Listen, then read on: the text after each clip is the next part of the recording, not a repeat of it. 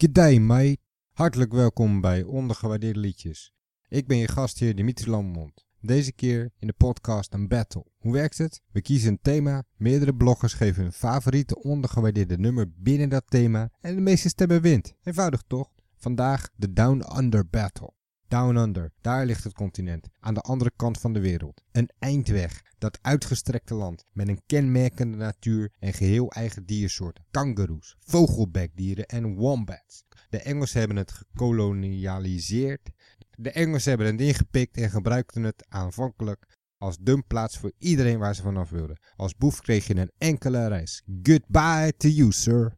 Toch heeft het schuim der natie zich ontwikkeld tot een bijzondere staat, tezamen met buurland Nieuw-Zeeland. Muziek maken doen ze ook, en zeker niet verkeerd. Dat begon met de Bee Gees in de 60s en, deels met Nederlands bloed, de Easy Beats. Later kwamen ACDC, Split Ends, In Excess en Midnight Oil op oorhoogte. Nick Cave natuurlijk. En na Wolfmother zijn we nu allemaal onder de indruk van Tame Impala. Daarom, onder het motto, wat je van ver haalt is lekker, tijd voor een aantal ondergewaardeerde liedjes van de onderkant van onze aardkloot.